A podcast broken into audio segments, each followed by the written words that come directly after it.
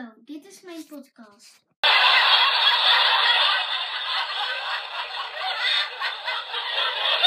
Over het boek De Vreselijke Superhelden van klas 13.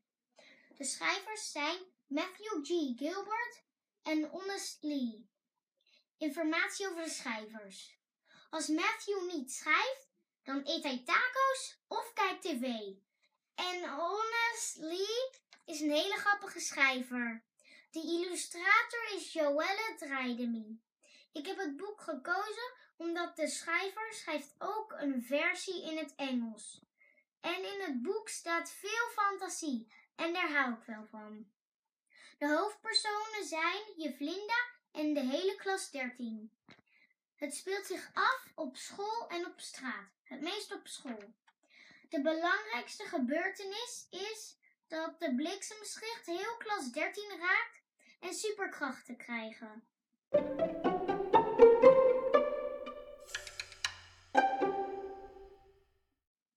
Dit is de samenvatting. Aan het begin slaat een bliksemschicht klas 13 en krijgen superkrachten. Alleen gaat het niet zo goed. In hoofdstuk 6 aan het begin krijgt Milan teleportatie. Maar teleporteren zijn kleren niet mee. Dus teleporteert hij bloot. Eeuw.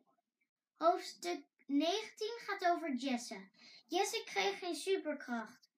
Toen de paarse bliksemschicht zijn klasgenoten en juf raakte, zat hij op het toilet.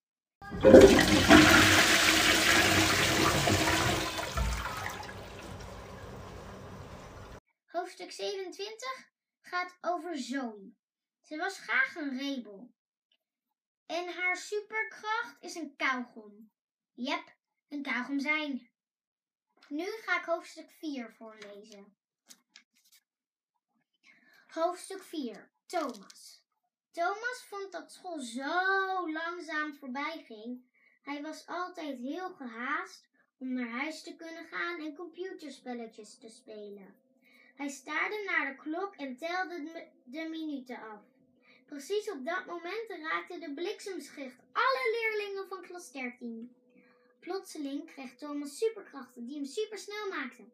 Oh mijn hemel, hebben jullie dat gezien? Ik heb Santi Jekels leven gered. Alleen heb ik dat niet gedaan, want hij staat nog altijd in brand. Maar ik denk dat hij nooit... Dus dan denk ik dat hij een vast is, zei Thomas. Thomas, kerel, ik begrijp geen woord van wat je zegt, zei Fatima. Je moet echt langzamer praten. Kun je me niet verstaan? Vroeg Thomas. Fatima schudde haar hoofd. Thomas probeerde zo langzaam mogelijk te spreken. Maar omdat hij heel snel langzaam sprak, kwam het er met gewone snelheid uit. En zo veel beter, antwoordde Fatima. Wauw, jij bent super snel. Waarom rij je niet eens naar huis en terug? Ik zal de tijd bijhouden. Goed idee, ik ben zo terug, zei Thomas. Hij rende naar huis en dan weer naar school.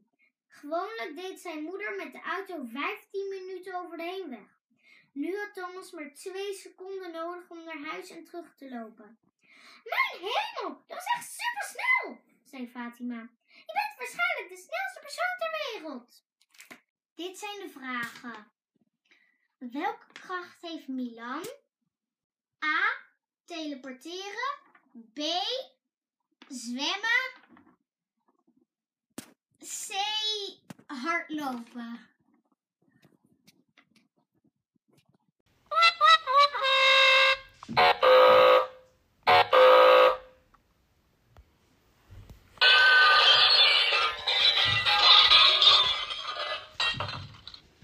Dit was mijn podcast. Ik hoop dat jullie het leuk vonden.